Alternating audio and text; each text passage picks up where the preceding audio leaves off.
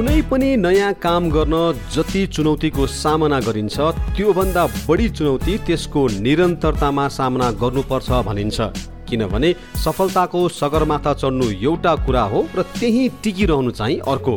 नमस्कार अनि स्वागत छ यहाँलाई तपाईँहरूको आफ्नै पडकास्ट पवन्स कर्नरमा आजको बसाइमा सफलतालाई बिस्तारै पछ्याउँदै गरेका नेपाली साङ्गीतिक क्षेत्रका उदीयमान गायकको भोगाईलाई प्रस्तुत गर्दैछु।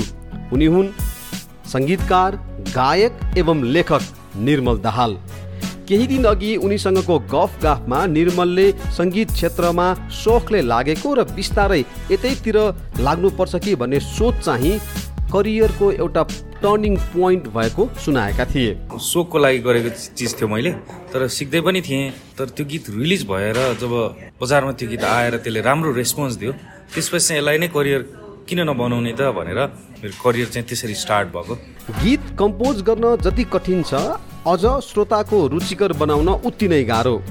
पहिले श्रोताको लागि गीत कम्पोज गरे पनि अचेल निर्मललाई लाग्न थालेको छ कि गीत त आफ्नै मन खाने हुनुपर्छ। मान्छेले चिनोस् जस्तो लाग्छ। अलि धेरै चिनेपछि आफ्नो तरिकाले सङ्गीत गराउँ जस्तो लाग्छ। कति अडियन्सले यस्तो खालको गीत गाउनु न भन्छ। कति अडियन्सले यस्तो किन नगाएको भन्छ। अर्को कोहीले फेरि कहिले रिलिज हुन्छ तपाईँको गाना भन्छ हुन्छ नि? यसरी चाहिँ यस्तै हुन्छ। कुनै पनि गीत रेकर्ड नगरिन्जेलसम्म आफ्नै लागि वा आफ्नो सन्तुष्टिका लागि मात्र हुन्छ। तर जब यो रेकर्ड भएर सार्वजनिक हुन्छ त्यसपछि त्यो श्रोताको सम्पत्ति बन्न पुग्छ। त्यसपछि गायक कलाकारलाई ऊर्जा दिने भनेको श्रोताको सकारात्मक प्रतिक्रिया हो। निर्मल दाहाललाई पनि सुरुका दिनमा यस्तै फिल भयो रे। जुन बेलासम्म स्ट्रगल भइरहेको हुन्छ एक दुईवटा गीत बजारमा आउँदैन रेस्पोन्स आउँदैन एउटा एक दुईवटा गीत हिट भएपछि पत्र पत्रिकामा नामहरू आएर सोजहरूबाट अलिअलि पैसा कमाएपछि चाहिँ ए हुँदो रहेछ भनेर कन्भिन्स हुन्छ। यो प्रायः सबैजनाको रियालिटी यही होला प्रोभाब्ली निर्मल जति सरल गीत कोर्छन् उति नै कुरा पनि मिठा गर्छन्।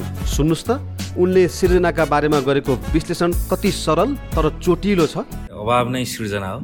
जुन अभावमा मैले सृजनाहरू गरेको थिएँ त्यो अहिले केही चलेपछि चाहिँ त्यो सृजनाले बजार पाइरहेको छ चलिरहेको छ भनौँ न। र साङ्गीतिक क्षेत्रमा आफ्नो भविष्य खोज्दै गरेका निर्मलले सिकेको भनेकै मेहनतको निरन्तरता हो।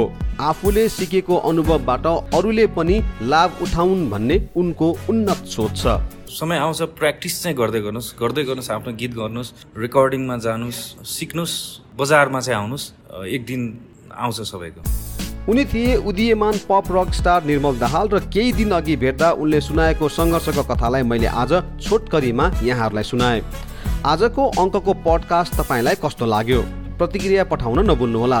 तपाईँ मलाई भोइस मेसेज पनि पठाउन सक्नुहुन्छ र तपाईँहरूले पठाउनु भएको भोइस मेसेज मध्येका केही भोइस मेसेजलाई लिएर म आगामी अङ्कमा आउने नै छु। तबसम्मलाई बिदा दिनुहोस्। नमस्कार।